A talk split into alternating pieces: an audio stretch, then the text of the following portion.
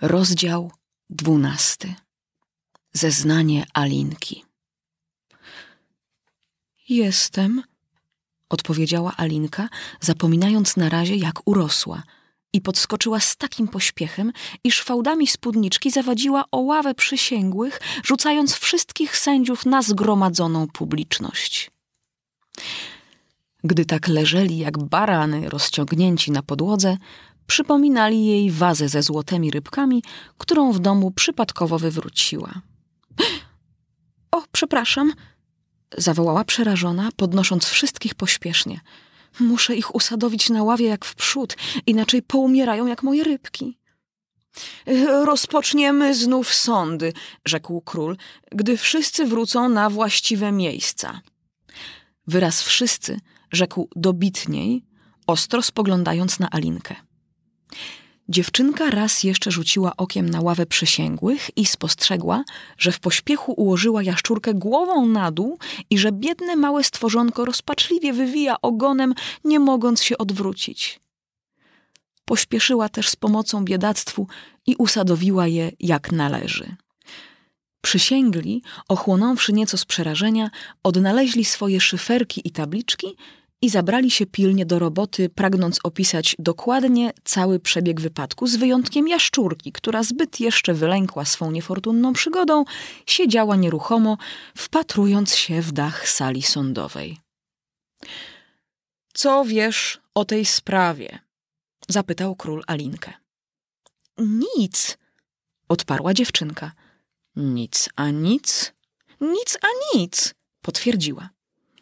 To jest bardzo ważne, rzekł król, zwrócony do przysięgłych. Sędziowie właśnie gotowali się do zanotowania tych słów na tabliczkach, gdy biały królik przerwał. Nieważne, naturalnie tak myślałeś, najjaśniejszy panie. I skłonił się uniżenie przed władcą, przesyłając mu jednocześnie znaczące spojrzenia. Nieważne, naturalnie, powiedział pośpiesznie król i z cicha powtarzał – ważne, nieważne, ważne, nieważne, jak gdyby próbując, które słowo brzmi lepiej. Część zatem przysięgłych zapisała wyraz ważne, pozostali zaś nieważne. Proszę o ciszę, zawołał król, który dotąd pilnie kreślił w swoim notesie. Po czym zaczął odczytywać z leżącej przed nim księgi. Paragraf 42. Osoby wzrostem swoim przenoszące kilometr winny opuścić salę sądową. Wszyscy spojrzeli na Alinkę. No, przecież nie jestem tak wysoką, broniła się dziewczynka. Jesteś, rzekł król. Dosięgasz dwóch kilometrów nieledwie, wołała królowa. Nie wyjdę jednak stąd, nie jest to bowiem obowiązujące rozporządzenie. Przepraszam, paragraf ten datuje z czasów bardzo dawnych, upierał się król. W takim razie oznaczony byłby numerem pierwszym, rozumowała panienka. Król zbladł i szybko zamknął notes. Y, wydajcie wyrok, rzekł do przysięgłych głosem cichym i drżącym. Są jeszcze pewne dowody do rozpatrzenia, proszę waszej królewskiej mości, zawołał biały królik, podskakując pośpiesznie. Oto pismo, które znaleziono w tej chwili. Co zawiera? zapytała królowa. Nie otworzyłem go jeszcze, rzekł biały królik, lecz zdaje się, że jest to list pisany przez więźnia do. do kogoś. No, naturalnie do kogoś, o ile nie jest pisane do nikogo, dorzucił król, co, jak wiadomo, się nie praktykuje. E, jaki jest adres? zapytał jeden z przysięgłych. Nie ma go zgoła, odparł biały królik. Z zewnątrz bowiem papier jest czysty. To mówiąc, rozwinął arkusz, dodając: To wcale nie list, to są jakieś rymy. Ja tego nie pisałem, Odezwał się nagle walet Kier. Oni gotowi wmówić waszej królewskiej mości, że to ja, bo kartka jest niepodpisana. Żeś jej nie podcyfrował, to widocznie knułeś jakieś niegodziwości. Inaczej nakreśliłbyś twoje imię, jak to czyni każdy osobnik przyzwoity. Rzęsistymi oklaskami powitano to przemówienie królewskie. To jest nieomylnym dowodem jego winy, zawyrokowała królowa.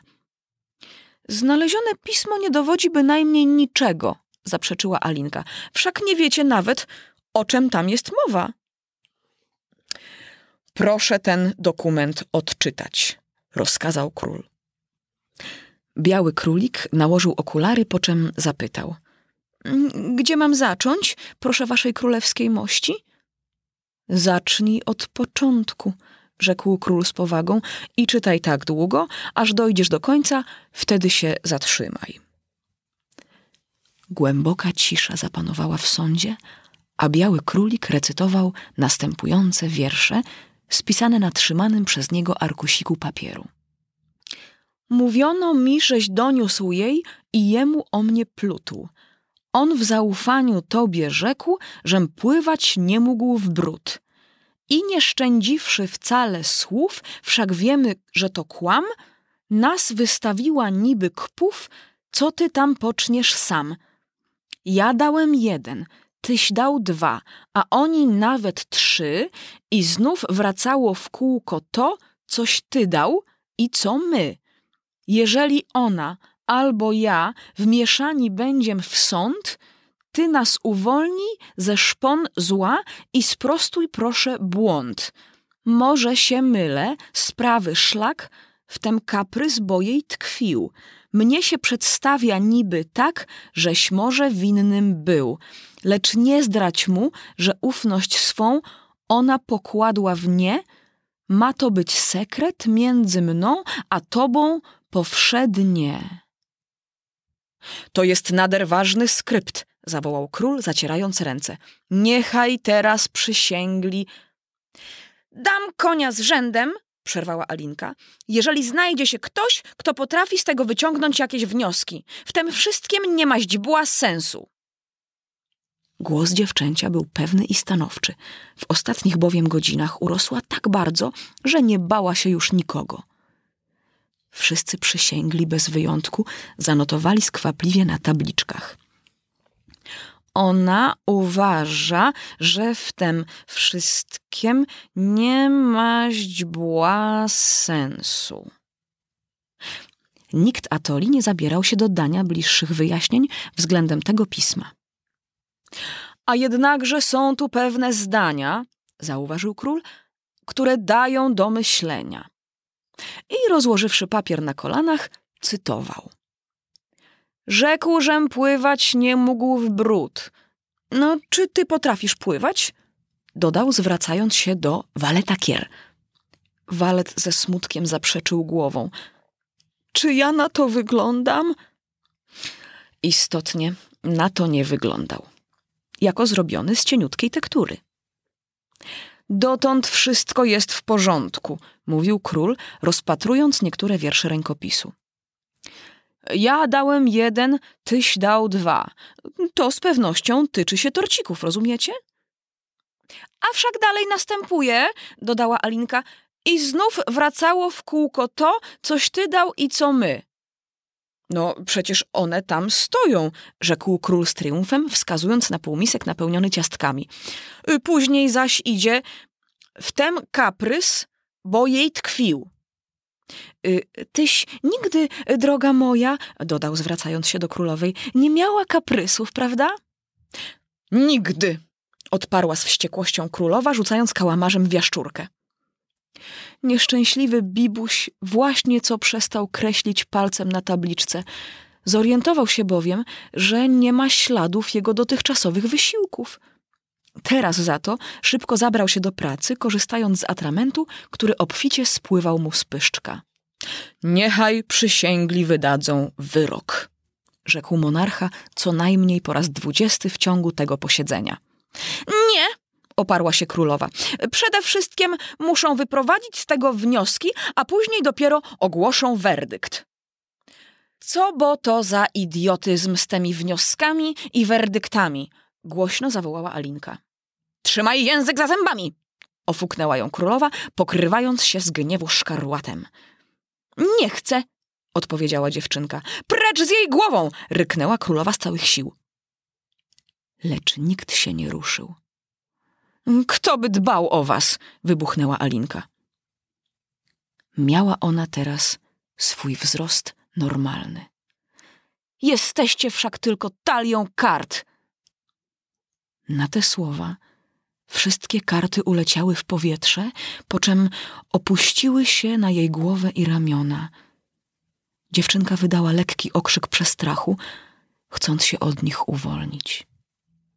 Wtem Alinka zobaczyła, że leży na ławce z główką opartą na kolanach siostry, troskliwie odgarniającej kilka spalonych listków, które wietrzyk z drzewa strącił na jej twarzyczkę. Zbudźże się, Alinko, rzekła. Jakże bo długo spałaś?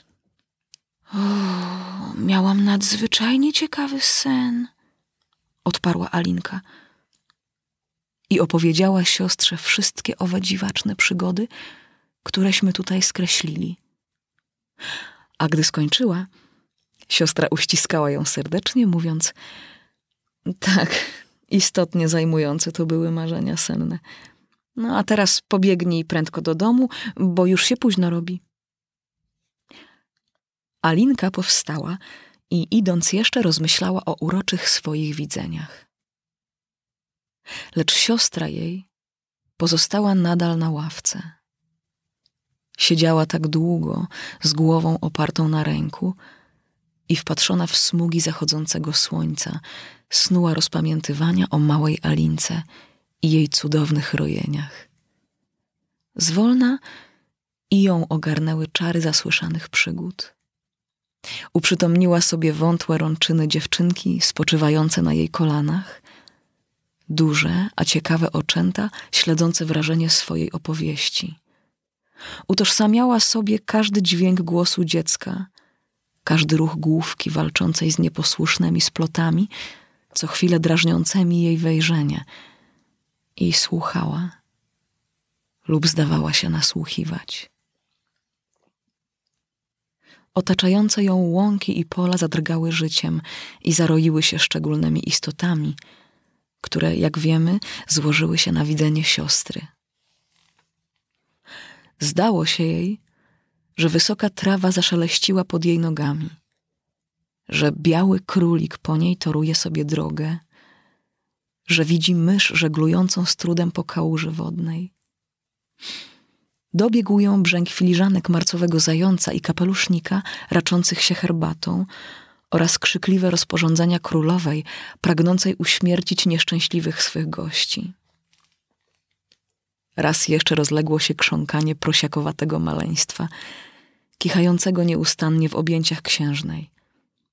Odgłosy trwogi wydawane przez gryfa napełniły powietrze, zgrzytnął szyferek jaszczurki, zadrgały dławione piski przewróconych zwierzątek, zmieszane z dobiegającymi z oddali westchnieniami żółwio zwierza. Całą potęgą swoich myśli panienka wgłębiła się w krainę cudów – Wiedziała bowiem, że wystarczy otworzyć oczy, aby to wszystko pierzchło bezpowrotnie, zamieniając się w rzeczywistość.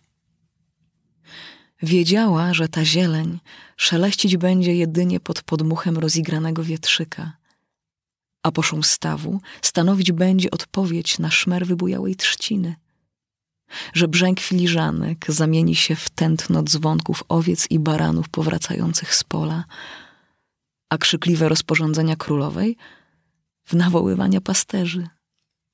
Kichanie zaś niemowlęcia, okrzyki przestrachu gryfa i inne osobliwe dźwięki zmienią się niewątpliwie w zbiorowy hałas drgającego pracą folwarku, podczas gdy ryk bydła dobiegający z oddali zastąpi ciężkie westchnienia żółwio zwierza. Wreszcie uprzytomniła sobie czas – gdy mała jej siostrzyczka, jako dorosła już kobieta, gromadzić będzie koło siebie inne dzieci i opowiadając mnóstwo odniesionych wrażeń, podzieli się też z nimi przedziwnymi przygodami swemi w krainie cudów. A odczuwając drobne zmartwienia dziatek i rozkosz zabaw niewinnych, uprzytomni sobie własne swe dzieciństwo – i szczęśliwe dni letnie. Czytała Małgorzata Wojciechowska.